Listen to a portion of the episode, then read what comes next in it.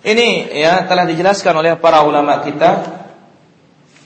Memang ya sebagaimana disebutkan oleh Aisyah radhiyallahu anha wa ardhaha ya memang awal salat itu awal diwajibkan apa? Dengan dua rakaat dua rakaat kita jelaskan dalam hadis yang lain. Awwalu ma furidatis shalah rakaatin rakaatain awal diwajibkannya salat itu dua dua dua. Dia lima, lima waktu betul. Tapi dua dua Dua dua. Isra Mi'raj itu tahun ke-10 hijrah. Eh apa? Tahun ke-10 kenabian.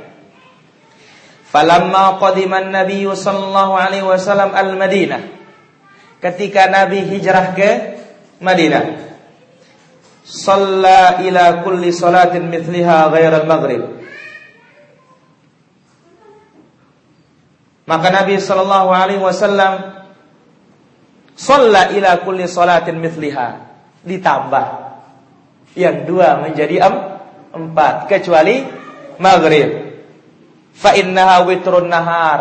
Dia witirnya siang hingga menjadi tiga. Wa salatu subhi lituli qiraatiha. Salat subuh tetap dua rakaat karena panjangnya bacaannya subuh itu. Wa kana idza safara 'ada ila salatihil ula. Dan Nabi kalau musafir kembali ke salatnya pertama sejak awal diwajibkan waktu Isra Mi'raj itu.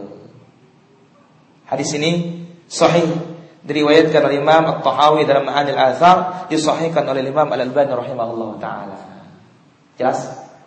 Wallahu taala. Kalau safar hukum salat di masjid tetap tidak gugur. Maka apa? Ya sempurnakan mengikuti imam. Setelahnya kita menjamak dan kasar kalau dibutuhkan.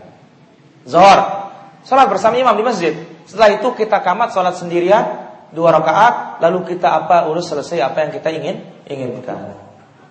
Wallahu taala. Bagaimana kalau kita belum pergi? Boleh menjamak di masjid tetapi harus sempurna. Sebagaimana Rasulullah Shallallahu Alaihi Wasallam dijelaskan kalau Nabi Alaihi Wasallam keluar sebelum zuhur, Nabi sholat as, Nabi sholat zuhurnya pada sholat asar dengan jamak kasar nanti. Kalau Nabi keluarnya setelah masuk waktu zuhur, Nabi sholat zuhur di masjidnya, kemudian kamat sholat asar empat empat, baru jalan. Demikian juga maghrib. Kalau safar sebelum maghrib, Nabi sholat maghrib di waktu isya, jamak kasar. Tapi kalau keluarnya setelah maghrib atau masuk waktu, Nabi sholat maghrib tiga, kamat langsung sholat isya empat.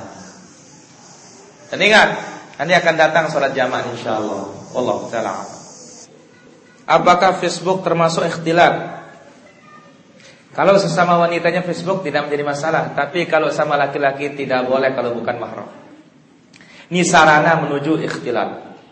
Ya, karena apa? Namanya syaitan dengan berbagai macam cara. Allah Azza wa Jalla berfirman, "Wa ajlib 'alaik 'alaihi wa ajlibhum 'alaika birijlika bi khailika wa rijlik." Giring mereka dengan kudamu, dengan kakimu. Awastafziz man istata bi sautika. Ganggu mereka dengan suaramu dan semisalnya. Jadi kalau sesama perempuannya tidak menjadi masalah, sama laki tidak menjadi masalah, laki perempuan mahramnya tidak menjadi masalah. Tapi kalau sudah kategori orang bukan mahram, maka ini sudah bermasalah. Allah Azza wa Jalla berfirman dalam Al-Qur'an, "Wa idza sa'altumuhunna mata'an fas'aluhunna min wara'i hijab." Kalau kalian meminta sesuatu kepada wanita, maka dari belakang tabir. Kalau sekarang bukan tabir lagi semuanya terkuak, ya maka harus hati-hati. Wallahu taala.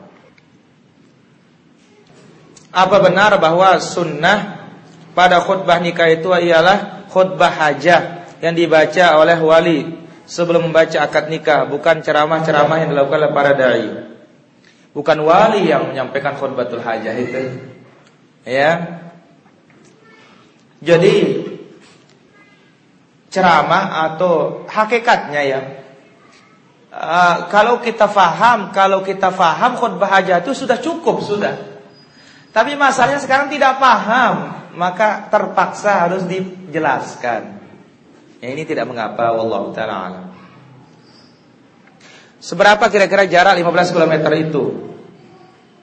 Kan gampang, banyak pelangnya di pinggir jalan sekarang. Ya, banyak pelangnya sekarang. Atau dengan mobil motor dan mobil kan bisa kita ukur setel atau lihat begitu sebelum berjalan berapa ini. Ya, kita akan tahu sudah. Ya, Alhamdulillah tidak ada yang sulit sekarang. Wallahu taala. Apakah jadah diperbolehkan mengkadak salat? Enggak ada kadak salat kecuali yang sudah disebutkan. Tidur atau apa?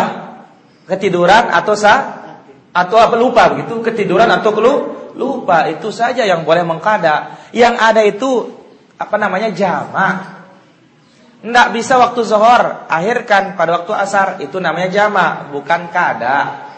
Ya. Yang ada di masyarakat kita apa? Kada tidak, ta, uh, kada tidak, jama tidak. Bagi apa? Digabung semuanya. Istilah sasaknya diuyun semuanya sekaligus. Ya. Kalau dibilang jama kan hanya dua waktu yang boleh menjama. Ini enggak. Zohor lolos, asar lolos, maghrib lolos, isya baru mulai. Ya, semuanya digabung menjadi satu. Allah taala a'lam. Baik. Pertanyaan. Kalau kita telat masuk sholat, apakah mesti iftitah atau tidak? Kalau tidak ada kesempatan untuk baca Fatihah, hanya kesempatan takbir saja, tidak usah iftitah, langsung takbir aja. Takbir langsung ikut imam. Kapan baca iftitah? Ya nanti pas berikutnya. Rekan berikutnya. Ya.